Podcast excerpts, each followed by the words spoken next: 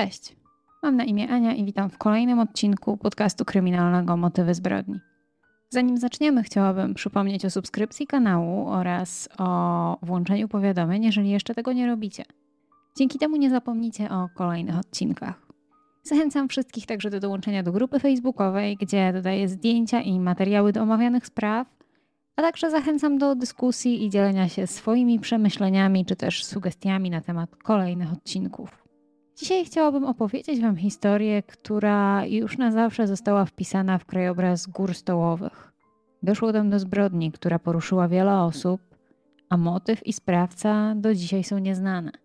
Chociaż ostatnio pojawił się cień nadziei, że zagadka w końcu zostanie rozwiązana. Zapraszam na tragiczną historię Ani i Roberta.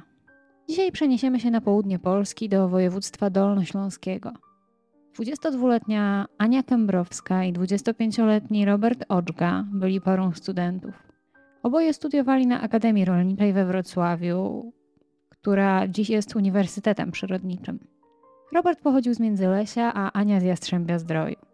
Ania była studentką trzeciego roku ochrony środowiska, natomiast Robert był na czwartym roku geodezji i kartografii. Tych dwoje było parą ze studiów, ale łączyła ich też wspólna pasja wycieczki po górach i nie tylko. Oboje zaliczali się także do najlepszych studentów tej uczelni, mieli świetne wyniki w nauce. Wiele osób twierdziło, że Ania i Robert stanowili dobraną parę. Zresztą planowali też ślub, więc wydaje mi się, że musieli być razem szczęśliwi. Latem 1997 roku para spędzała wspólnie wakacje. Robert właśnie skończył pisanie pracy magisterskiej, więc odpoczynek wśród ukochanej przyrody był dla niego idealną rozrywką. Ania też chciała odpocząć po roku studiów. Tego roku lato miało być dla nich pełne wrażeń. Para najpierw udała się na Podlasie do rodziny Roberta, a następnie stamtąd pojechali do Augustowa, gdzie mieli zaplanowany spływ kajakowy ze swoimi znajomymi. Po kilku dniach spędzonych na północnym wschodzie Polski oboje wyruszyli do Międzylesia, czyli rodzinnej miejscowości Roberta. 18 sierpnia 1997 roku w Górach Stołowych miał odbyć się obóz naukowy, którego Ania była współorganizatorką, więc oboje planowali się tam udać. Chcieli pójść pieszo, łącząc drogę na obóz z przyjemną wędrówką górską – Spotkanie uczestników obozu miało odbyć się w Karłowie, a jako miejsce spotkania wyznaczono schronisko, do którego Ania i Robert się wybierali. 15 sierpnia 1997 roku oboje wyruszyli z Różanki, niewielkiej miejscowości niedaleko Międzylesia, na szlak. Do tej miejscowości podwiózł ich ojciec Roberta, aby mogli po prostu wejść na szlak i już cieszyć się górską wędrówką. Ich plan zakładał, że pierwszą noc spędzą na przełęczy Spalona, gdzieś niedaleko schroniska Jagodna. A następnego dnia mieli dojść do kempingu PTTK przy ulicy Dworcowej w Dusznikach Zdroju i tam spędzić noc, a stamtąd już do Karłowa. Nie wiadomo na ile ich plan się powiódł i gdzie tak naprawdę spędzili pierwszą noc swojej wędrówki, natomiast drugiego dnia faktycznie dotarli do Dusznik Zdroju. 17 sierpnia 1997 roku Ania i Robert wyruszyli do Karłowa, a na miejscu mieli być za jakieś 4 godziny. Jeszcze przed wyprawą zatrzymali się na stacji benzynowej, skąd Ania zadzwoniła do swoich rodziców około 10-11 rano. Ania rozmawiała z mamą kilka minut, opowiadała o tym, co robili przez ostatnie dni, mówiła o tym, że byli w pijalni wód mineralnych w dusznikach, nawet żartowała, że opiła się wodą. Za chwilę mieli ruszać do Karłowa. Nic nie zwiastowało, że to będzie ostatnia wyprawa w życiu tej dwójki. Telefon, jaki Ania wykonała do swojej mamy ze stacji benzynowej, był ostatnim sygnałem, że żyją. Podobno widziano ich jeszcze po drodze w barze w małej wiosce na szlaku jakieś dwie godziny od wykonania telefonu. Ania i Robert nigdy nie dotarli na obóz naukowy, który miał rozpocząć się kolejnego dnia. Uczestnicy obozu pomyśleli, że para zrezygnowała i po prostu się nie pojawią. Nie było wtedy tak powszechnych telefonów komórkowych, dzięki którym można było się z nimi od razu skontaktować i dowiedzieć, co jest nie tak. Kilka dni później, 24 sierpnia, jeden z uczestników obozu miał go opuścić, ponieważ chciał pojechać na pogrzeb swojej babci. Zadzwonił wtedy do rodziców Ani, aby dowiedzieć się, dlaczego ona i Robert zrezygnowali z obozu. Myślał, że jego koleżanka może zachorowała i chciał się upewnić, co się wydarzyło. Wtedy okazało się, że wydarzyło się coś złego i jak najszybciej trzeba podjąć działania. Rodzice Ani natychmiast spotkali się z rodzicami Roberta. Oni też nic nie wiedzieli. Zaczęła się panika i wspólnie postanowili iść na policję. Rodzice próbowali zgłosić zaginięcie swoich dzieci na komisariacie policji, jednak ci na początku nie przejęli się za bardzo tą sprawą. Tłumaczyli, że młodzi mieli za sobą paszporty, więc może po prostu pojechali na trochę do Czech albo zmienili zdanie i gdzieś się zatrzymali na chwilę. Widząc taki obrót spraw, rodziny same postanowiły zawiadomić GoPro, a oni nie musieli czekać. Od razu zorganizowali akcję poszukiwawczą. W poszukiwaniach brało udział 12 ratowników podzielonych na trzy ekipy. Każda ekipa miała też psa, który miał pomagać w poszukiwaniach. 27 sierpnia 1997 roku, 10 dni od zaginięcia pary, ratownicy GoPr dokonali przerażającego odkrycia. Na szlaku prowadzącym na szczyt narożnika, na terenie Parku Narodowego Gór Stołowych, jakieś 800 metrów od miejsca zbiórki, znaleziono ciała dwójki młodych osób Anny i Roberta. Biorąc pod uwagę, że było to lato i temperatury bardzo często przekraczały 30 stopni, zwłoki były już w stanie częściowego rozkładu. Leżeli jakieś 10 metrów od siebie i oboje mieli spodnie zsunięte do kolan. Nie mieli też butów. Co ciekawe, ich śmierć nie wyglądała na wypadek, czego można byłoby się spodziewać w górach, a raczej na egzekucję. Oboje zginęli od strzału w głowę. Sprawcy, ponieważ było ich co najmniej dwóch, zabrali plecak Ani i Roberta, które odnaleziono jakiś kilometr dalej. Oba były zniszczone, pocięte nożem. Obok plecaków leżały porozrzucone rzeczy i butelka z wodą, z której niestety nie udało się pobrać żadnych istotnych śladów. Z plecaków zniknęły wszystkie dokumenty oraz pamiętnik, który Ania prowadziła. Ukradziono także aparat fotograficzny marki Zenit TTL o numerze 91028187 z obiektywem Helios 44M5 o numerze 8119114. Zginął także zegarek z żółtego metalu z napisem 25 lat ZMP. O odkryciu natychmiast została powiadomiona policja, a że sprawa stała się bardzo medialna, to zespół pracujący nad tą sprawą był naprawdę duży. Na czele zespołu śledczych stał Janusz Bartkiewicz, który do dziś śledzi tę sprawę i próbuje znaleźć rozwiązanie. Rozpoczęło się wtedy szukanie jakichkolwiek tropów i przesłuchiwanie świadków. Kiedy przesłuchano pierwszych świadków, było to jakieś 100 osób, okazało się, że oni zapamiętali, że tego dnia, kiedy zmarła Ania i Robert, Słyszeli strzały oraz krzyk kobiety. Jedna z przesłuchiwanych osób twierdzi, że widziała mężczyznę, który wyszedł z lasu zaraz po tym, jak słyszeli strzały. Ta osoba zrobiła wtedy nawet zdjęcie. Niestety film był prześwietlony i no, nie udało się zobaczyć, jak ów mężczyzna wyglądał. Ze zeznań osób, które słyszały strzały, udało się ustalić, że do zbrodni doszło między godziną 12 i 13. Wszyscy zeznawali tak samo. Najpierw padł strzał, Później słychać było przeraźliwy krzyk kobiety. Najprawdopodobniej był krzyk Ani, która widziała śmierć swojego chłopaka. Następnie po jakichś dwóch sekundach padł kolejny strzał i zaraz było słychać kolejny krzyk kobiety. I znowu padł strzał. Ostatni. Odnaleziono także małżeństwo lekarzy z Oleśnicy, którzy w tamtym czasie przebywali w dusznikach zdroju. I w dzień przed tragicznymi wydarzeniami widzieli oni Anię i Roberta w hotelu Trapper, w którym nocowali. Według zeznań małżeństwa do hotelu Trapper przyszły trzy osoby: dwóch mężczyzn i jedna kobieta. Opis spotkanych osób zgadzał się z wyglądem Anny i Roberta, tym bardziej, że Robert przez swoje długie włosy wyglądał dość charakterystycznie. Świadkowie wzięli go nawet przez moment za syna swoich znajomych, jednak kiedy kobieta podeszła do młodych ludzi i usłyszała ich rozmowę, zorientowała się, że to ktoś inny.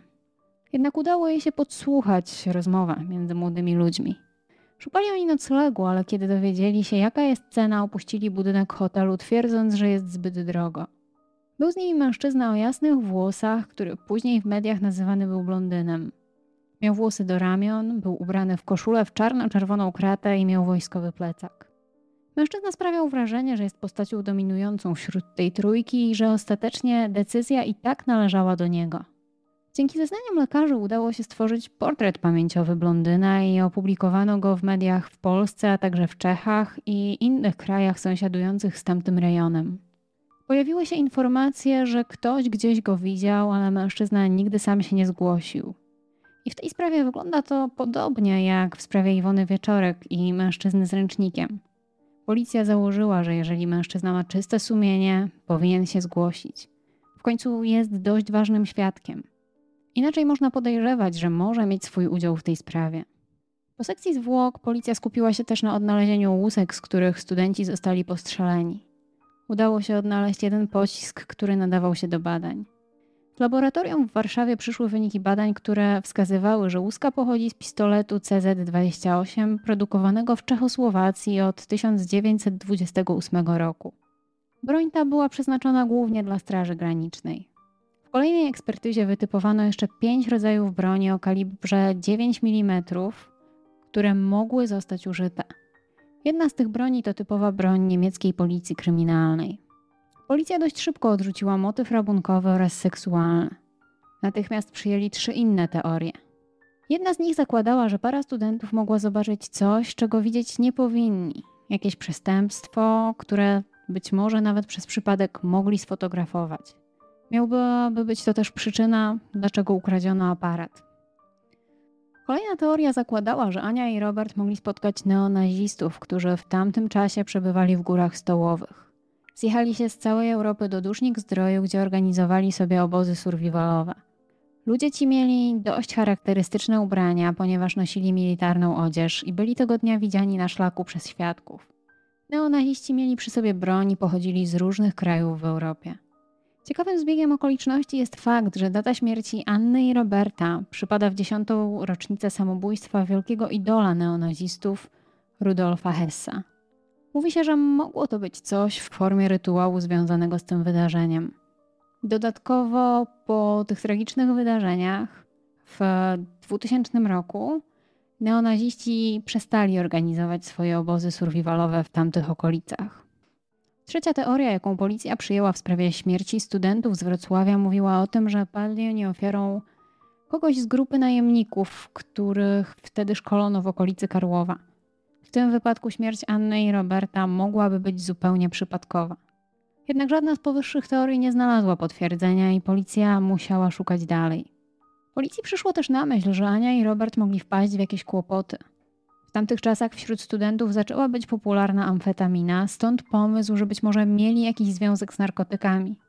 I tak jak to wyglądało, była to egzekucja. Jednak po sprawdzeniu środowiska studentów okazało się, że ta teoria jest bardzo mało prawdopodobna. Ania i Robert nie mieli żadnego związku ze światem narkotyków. Inna teoria miała związek z przyszłością Ani i z jej poprzednią sympatią. Zanim Ania poznała Roberta, utrzymywała kontakt z leśnikiem z okolic Warszawy, który, tak jak ona, był ogromnym fanem przyrody. Ania spotkała się z tym mężczyzną, utrzymywali ze sobą kontakt listowny i chłopak podobno liczył, że ta znajomość może się rozwinąć. Ale Ania spotkała się z nim po raz ostatni, aby zerwać znajomość. Policja odnalazła tego mężczyznę i wykluczyli go z kręgu podejrzanych. Pojawiły się też informacje na temat bezdomnego Pojawiły się też informacje na temat bezdomnego, który kręcił się w okolicy, gdzie doszło do przestępstwa i podobno dziwnie się zachowywał na widok samochodów policyjnych. Podejrzewano, że to czeski przestępca, który ukrywa się w górach.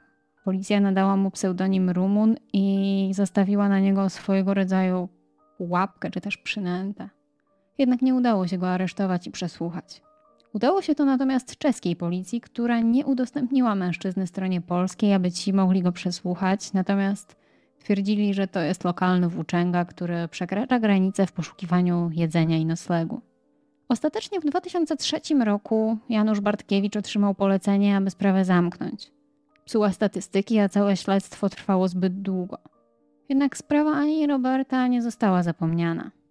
Pan Janusz Bartkiewicz poświęcił sporo czasu, aby te zbrodnie rozwiązać, tym bardziej, że w lipcu tego samego roku przeszedł na emeryturę. W 2005 roku sprawą zajęło się wrocławskie Archiwum X, ale oni też nie odnieśli sukcesu. Po kilku latach sprawę przejęło krakowskie Archiwum X i na ich prośbę zostały ekshumowane ciała ofiar. Podobno po to, aby pobrać próbki DNA. Latem w okolicach Kotliny Kłodzkiej pojawiła się grupa policjantów z Krakowa i Gdańska, którzy codziennie przeszukiwali miejsce zbrodni. Świadkowie twierdzili, że całymi dniami przeszukiwali teren georadarami, a wieczorami wracali cali, brudni i zmęczeni do miejsca, gdzie nocowali. Miejscowej policji powiedzieli, że szukają skradzionego aparatu. Sprawa ruszyła z miejsca w 2020 roku. 3 lipca 2020 roku policja z Wydziału do Spraw Narkotyków Komendy Wojewódzkiej Policji we Wrocławiu, celnicy, Straż Graniczna i antyterroryści zrobili nalot na budynki byłego gospodarstwa PGR w Trzebieszowicach. Podobno jakiś czas wcześniej pozyskali informacje o produkowanych tam narkotykach. Na miejscu odnaleziono 6 kg gotowej do sprzedaży marihuany. Ale to nie jest w tej sprawie najważniejsze. W jednym z budynków gospodarczych odkryli strzelnicę, a tam 40 sztuk broni, w tym maszynową oraz jakieś 3000 sztuk amunicji. Wszystko było nielegalne. Niedaleko gospodarstwa w kamieniołomie była kolejna nielegalna strzelnica. Aresztowano 64-letniego właściciela gospodarstwa i jego 34-letniego pomocnika. Broń odnaleziona w gospodarstwie została poddana badaniom i okazało się, że jeden z pistoletów znalezionych na strzelnicy to ta sama broń, z której zginęli Ania i Robert. Czy to oznacza, że dowiemy się, co się wydarzyło w Górach Stołowych w 1997 roku? Mam nadzieję, że tak, a rodziny Ani i Roberta w końcu zaznają sprawiedliwości. A dodatkowo ta dość tragiczna zagadka zostanie rozwiązana i winny otrzyma zasłużoną karę. I to już właściwie wszystko w tej sprawie. Dajcie znać, co wy myślicie i czy odcinek wam się podobał. Jeśli tak, to oczywiście zostawcie komentarz i łapkę w górę. Dbajcie o siebie, kochani, i do usłyszenia. Cześć!